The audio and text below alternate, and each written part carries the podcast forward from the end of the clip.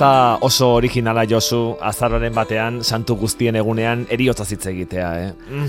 Ez da oso originala, baina dagoena dagota horrekin egin barko bai. bai, baina izke, justu daukat oso liburu polit bat, izenburu bat daukanetan poemaren bat edo bestero, bai, egunari oso ondo edukitzen zain, horreitik bai. aukeratu dut. Poesian ere, hain bai. leku garrantzitsu bat daukanez eriotzak, ze poeta asko idatzi dute eriotzari buruz, baina ez bakarrik eriotzari buruz. Eriotzari buruz idazten duzunean, bizitzari buruz idazten duzu. Mm. Denboraren joanari buruz idazten duzunean, eriotzari eta bizitzari buruz idazten duzu. Mm. Eta azken amarkadetan adibidez, ba, gaixotasuna eta zaintza, asko sartu dira poesian, eta horiek ere badute bizitzarekin eta eriotzarekin zer ikusia. Beraz, bueno, gaurko bai. eguna bada hil direna gogoratzeko, baina bizi zirenean gogoratzeko, ezta? Hitz egin dezagun orduan eriotzaz. Normalean da ia beti guk e, gaurko poeta, ipuin edo eleberri forman, e, prosan idazten duen idazle bat da poeta hori, eta, bueno, ba, ark badu orain hilak ditugu izeneko poema liburua. Orain hilak ditugu. Orain hilak ditugu. Eh? Carmele Jaio da eh, liburu horren egilea, bere poema liburu bakarra da. Eta haren noveletako historietan bezala, hemen ere jaio ez da txikikeriatan, eh?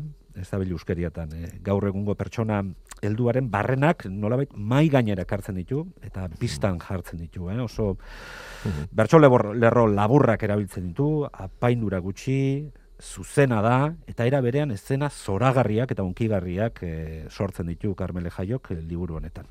Etxiste txarrak egiteko aitzaki ere ematen du, eh? jaiok eriotza zitze egitea. Hori da. Baina, bueno, bere, bere jaiotzari buruz, ete, zera, e, idazten bai. du Carmele Jaiok e, liburuetan, baina, baina eriotzari buruz ere, bai, badauka amaren eskuak izeneko liburu bat, eta, bueno, eta, bueno ba, badago horre, zera, e, alako indar batzuk e, jokatzen dutenak bere poesian, bere poesian eta bere prosan. Mm. Hemen iristen zaigu, ezta, bizitzaren une bat denoi, denborarekin, ba, utxuneak pilatzen zaizkiguna, ezta? Eta pertsonek bizi ziren eta maite genituen pertsonak e, utzitako utxuneak.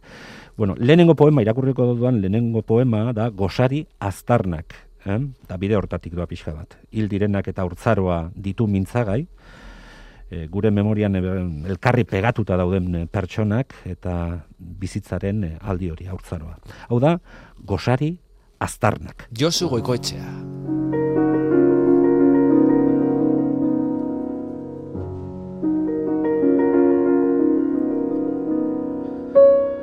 Ez dira domeketako pagak, ez dira marrazki bizidunak, parkeko jolasak edo benetako lagunak faltan sentitzen ditudanak.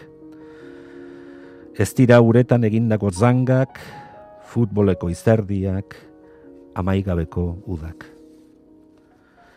Ez dira gurin zaporezko meriendak, esnetan bustitako galetak faltan nabari ditudanak goizero, nire Espainetako gosari aztarnak txistuaz bustitako zapiarekin, garbituko dituen norbait, oraindik badela jakitea da, benetan falta zaidana.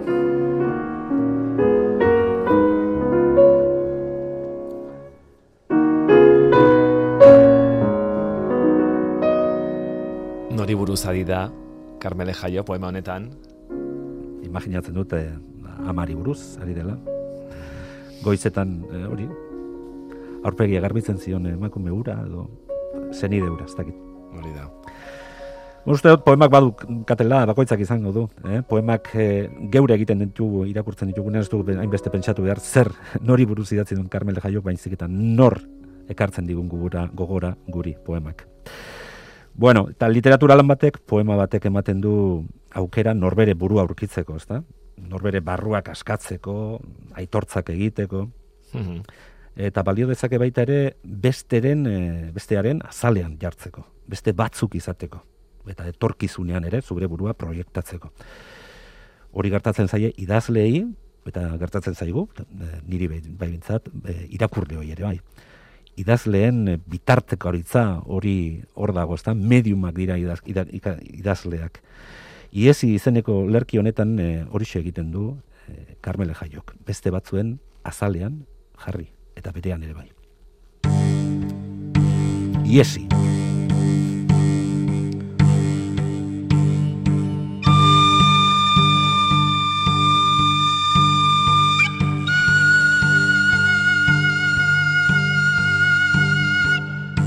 Armairuko ateen artean, arrapatuta geratu den, alkandoraren eskumutura naiz. edalontziak gainez egiteko behar zuen urtanta naiz.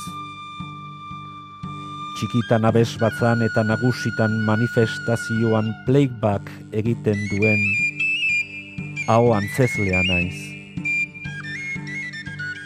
Langile auzo bateko leiotik urrunean dauden mendi arrotzei begira dagoen neskatila naiz.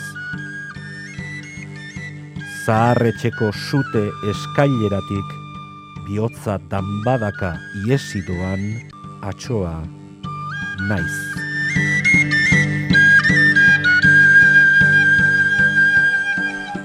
Gustatzen zaigu imperfekzioa. Ezta? bai, bai, bai. Beti gabiltzak bila, ezta? Gure bai. osotasun horren bila, perfekzioaren bila, sekula, sekula lortuko ez duguna behar bada. Baina begiti gabiltza zerbaiten bila. Eh, Rafa Ruedak bere kanta batean esaten zuen okarez banago, gauza perfektuek ikara ematen didate. Esaten zuen. Ba, hortik duan nola baitu urrengo poema. Eh? Mm, bada bizitzan nik uste dut aro bat, eh? nola baiteko egon kortasuna lortu ondoren, eh? bastakit lana, familia eta barrak. Gu ere konservadore bihurtzen garena. Oso konservadorea gara. Nik uste batzutan baietz. Eh? Bateko edo besteko, ekonomikoki edo sozialki edo familiarki. Normalean, bueno, lortzen duzunean egokortasun goxo bat, eh? horretan geratzeko joera, eh? horretan geratu nahi izateko joera izaten duzu. Baina zerrote da bihotz egonkorra astoratzen duen txinparta? Nahi ote du bihotz horrek eh, txinparta horren astindurik? Mm. Bere konfortaren mutikatera, ez? Hori da. Ba, ez eta, eta bai, eh? ez eta bai e, Carmele Jaioko dauka horri buruzko poema bat. Hau da, ernazazu begiratu.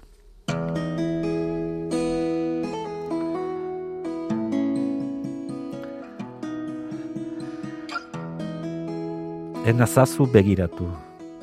Ez dut lurralde ilunetara bidaiatu nahi. Ez dut gauzak astatzen ibili nahi argiri gabeko gela batean enazazu zeurekin eraman nahiago dut hemen geratu. Kafe makina, etxeko giltzak eta lanpas zaharraren alboan. Ez nazazuz ezagutzen ditudan gauzetatik aldendu ikasi dut haien ertzak saiesten. Ezagun ditut haien usainak, haien egur zaharrak, haien metalberriak ez nazazu urrundu aharrausietatik, igogailuko izketaldi utxaletatik, familiako bazkarietatik, programatutako sexutik, betiko autobusa hartu aurretiko, pazientzia ezetik. Enazazu begiratu zure begien tontorrean arriskuren bat dagoelako, ziur, izotza, elur jausi bat, uolde bat, berarekin eramango dituena, aulkiak, landareak, erosketa zerrendak, sardeskak, liburuak, babesten nauten benetako gauza guztiak.